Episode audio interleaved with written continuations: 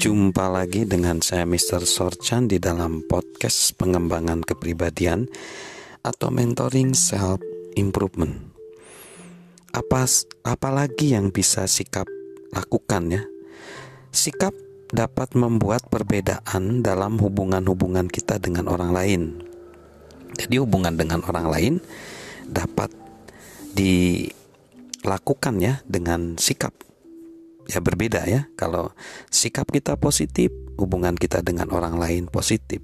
Ingat, kata-kata dari Theodore Roosevelt berkata, bahan utama yang paling penting dalam rumus untuk keberhasilan adalah mengetahui bagaimana bergaul baik dengan orang lain.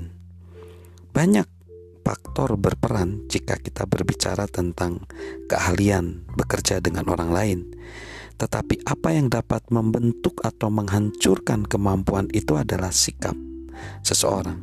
Perhatikan di dalam buku The Winning uh, Winning with the People karangan John C. Maxwell, di situ ada 25 prinsip bagaimana kita berhadapan dengan orang lain.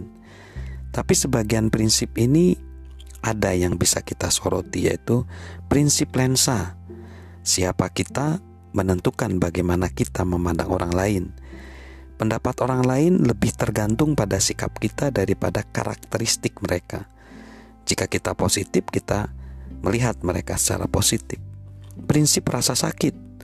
Orang-orang yang sakit hatinya menyakiti orang lain dan mudah disakiti oleh mereka. Pengalaman negatif dan beban emosional kita mewarnai pendapat kita tentang tindakan-tindakan orang lain. Interaksi normal dapat menyebabkan kita sakit hati, bahkan saat orang lain tidak melakukan apa pun untuk menyakiti. Prinsip elevator, kita dapat mengangkat orang atau menurunkan mereka dalam hubungan kita. Orang memiliki pola pikir untuk mengangkat atau membatasi orang lain. Prinsip belajar, setiap orang yang kita jumpai memiliki potensi untuk mengajar kita sesuatu. Beberapa orang memiliki sikap yang dapat diajar, dan mereka beranggapan bahwa mereka dapat belajar sesuatu dari setiap orang yang mereka temui. Orang lain memandang rendah banyak orang dan menganggap bahwa mereka tidak memiliki apa pun untuk ditawarkan. Ada prinsip-prinsip berbasis sikap yang dalam dalam buku Winning with the People tersebut, tetapi kita pasti mengerti idenya. Saat berurusan dengan orang lain, sikap membuat perbedaan jika track record kita dalam berurusan dengan orang lain tidak sebaik yang kita inginkan, mungkin kita perlu melihat pada sikap kita. Sementara memang benar bahwa ada beberapa orang yang nampaknya memiliki cara bisa memenangkan orang lain secara alamiah. Bahkan orang dengan keahlian menghadapi orang lain yang terbatas dapat belajar untuk memenangkan orang lain jika ia memutuskan untuk memiliki sikap positif terhadap orang lain. Lalu yang selanjutnya, sikap kita dapat membuat perbedaan dalam bagaimana kita menghadapi tantangan-tantangan. Dikatakan bahwa Angkatan Marinir Amerika Serikat Chesty Puller menemukan dirinya dikelilingi oleh delapan divisi musuh selama perang, perang Korea. Tanggapannya adalah baik mereka ada di sebelah kiri kita, mereka ada di sebelah kanan kita, mereka ada di depan kita, mereka ada di belakang kita. Mereka tidak dapat menyingkirkan dari kita kali ini.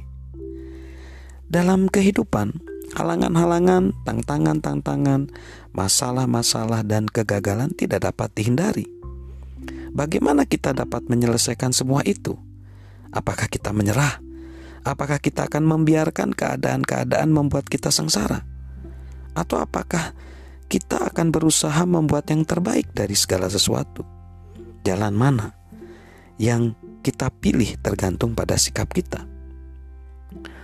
Suatu kali saya mendengar seorang dosen berkata bahwa tidak ada masyarakat yang pernah mengembangkan orang-orang sikapnya sukar berubah selama masa-masa damai. Pepatah kuno itu benar. Apa yang tidak membunuhmu membuatmu semakin kuat.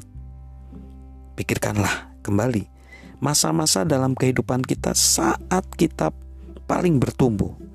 Saya berani bertaruh, kita bertumbuh sebagai akibat mengatasi kesulitan-kesulitan. Semakin baik sikap kita, semakin hampir pasti kita akan mengatasi kesulitan-kesulitan, bertumbuh dan bergerak maju. Anda akan melihat pola itu dalam kehidupan pria dan wanita besar. Demosthenes disebut orator terbesar dari zaman Yunani kuno, memiliki kesulitan bicara. Legenda menyebutkan bahwa ia mengatasinya dengan mengucapkan sajak-sajak dengan batu-batu kelereng di mulutnya dan berbicara dengan keras mengatasi deru ombak di tepi pantai. Martin Luther, bapa reformasi, menggunakan waktu pengasingannya di Puri Würzburg untuk menerjemahkan perjanjian baru ke dalam bahasa Jerman. Komposer Ludwig van Beethoven menulis karya agung simfoni terbesarnya setelah ia menjadi tuli. John Bunyan, penulis Prijim Project, saat berada dalam penjara. Daniel Defoe juga menulis saat ia berada dalam penjara menghasilkan Robinson Crusoe. Abraham Lincoln dianggap orang banyak sebagai orang, sebagai orang, sebagai presiden terbaik Amerika. Tetapi mungkin ia tidak akan menonjol sebagai pemimpin besar jika ia tidak memimpin negara itu melalui perang sipil. Sering persoalan sulit nampak sebagai instrumental dalam penciptaan pemimpin-pemimpin dan pemikir-pemikir besar. Tetapi itulah kasusnya, hanya terjadi jika sikap mereka benar. Saya telah diberitahu bahwa dalam bahasa Tiongkok dua kata sering dikombinasikan untuk menciptakan kata lain dengan arti yang benar-benar berbeda. Misalnya, saat simbol untuk satu kata yang berarti pria dikombinasikan dengan simbol yang berarti wanita, hasilnya adalah kata yang berarti baik. Memiliki sikap positif dapat memberi pengaruh yang sama.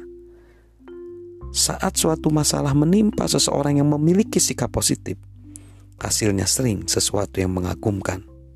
Dari kekacauan itu dapat muncul negarawan, ilmuwan, penulis, atau usahawan-usahawan yang besar. Setiap tantangan memiliki suatu kesempatan, dan setiap kesempatan memiliki tantangan.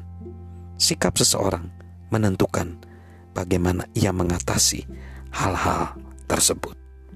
Salam mentoring, salam sukses luar biasa dari saya, Mr. Sorchan.